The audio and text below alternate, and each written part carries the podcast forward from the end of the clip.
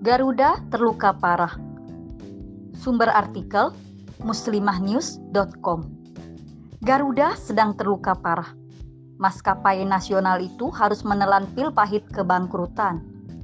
Kementerian BUMN pun mencoba membuka opsi operasi pilot untuk menggantikan Garuda dengan Pelita Air Service sebagai flag carrier atau maskapai resmi negara. Kementerian BUMN menilai opsi penutupan Garuda tetap terbuka meski berstatus sebagai maskapai flag carrier. Alasannya, saat ini sudah lazim sebuah negara tidak memiliki maskapai yang melayani penerbangan internasional. Namun, yang justru berbahaya untuk melayani penerbangan internasional tersebut, maskapai domestik akan menggandeng maskapai asing sebagai partner. Bahkan, sudah ada satu maskapai tertarik menjadi partner penerbangan internasional dengan kompensasi penerbangan umroh dan haji. Jika demikian, bukankah kondisi ini sama saja seperti membunuh anak sendiri demi memberi kehidupan bagi anak orang lain?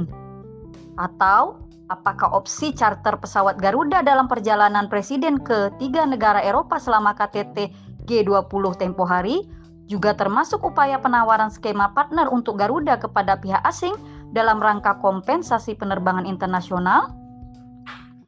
Sungguh kental aroma komersialisasi dan kapitalisasi seputar kisruh Garuda ini. Sedemikian culasnya kapitalisme menciptakan krisis sehingga membuka jalan penjajahan ekonomi di tubuh maskapai nasional tersebut. Padahal, infrastruktur dan mode transportasi udara adalah instrumen vital bagi suatu negara. Karenanya, industri transportasi juga industri yang tidak kalah vital.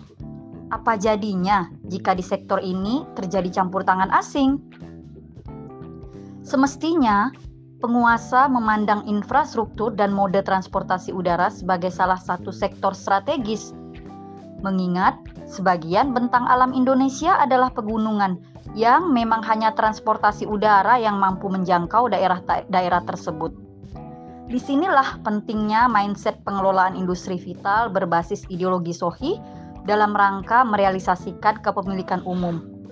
Outputnya akan tepat sasaran, tidak mangkrak menjadi infrastruktur mubazir. Sayangnya, ketika penguasa hanya berpikir soal cuan, BUMN strategis terpaksa menjadi tumbal. Cepat atau lambat, anak sendiri ibarat harus siap mati menanggung akibat culasnya salah kelola dari penanggung jawab negara.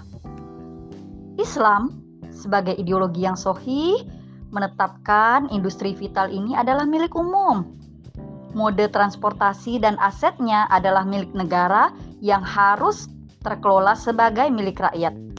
Oleh sebab itu, jangan menanganinya berdasarkan pengelolaan versi swasta yang berhitung komersialisasi Terkait hal ini, terdapat sabda Rasulullah Shallallahu Alaihi Wasallam, imam atau khalifah adalah pengurus dan ia bertanggung jawab terhadap rakyat yang diurusnya. Hadis riwayat Muslim dan Ahmad.